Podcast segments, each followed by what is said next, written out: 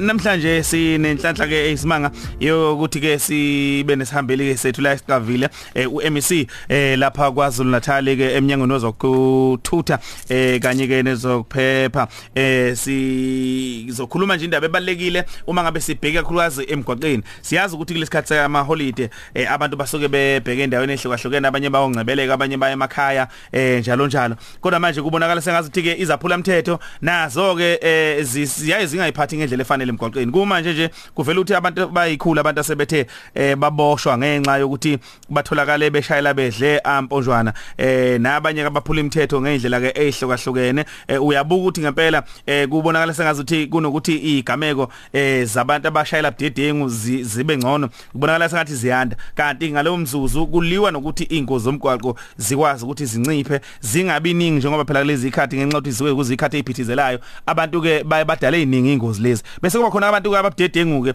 ngokushayela eh bephuzile eh ngenxa yokuthi ke abakwazi ukulalela nokuhlonipha imithetho yomgwaqo. Sinaye ku MEC njengamanje eh wezokuthutha lapha kwaZulu Natal eh umhlonishwa ke ubheki intuli sikubingelele emphemba sikwamukele khosini FM angibingelele tjatha nonongcebo nabo bonke abalaleli bokhosi.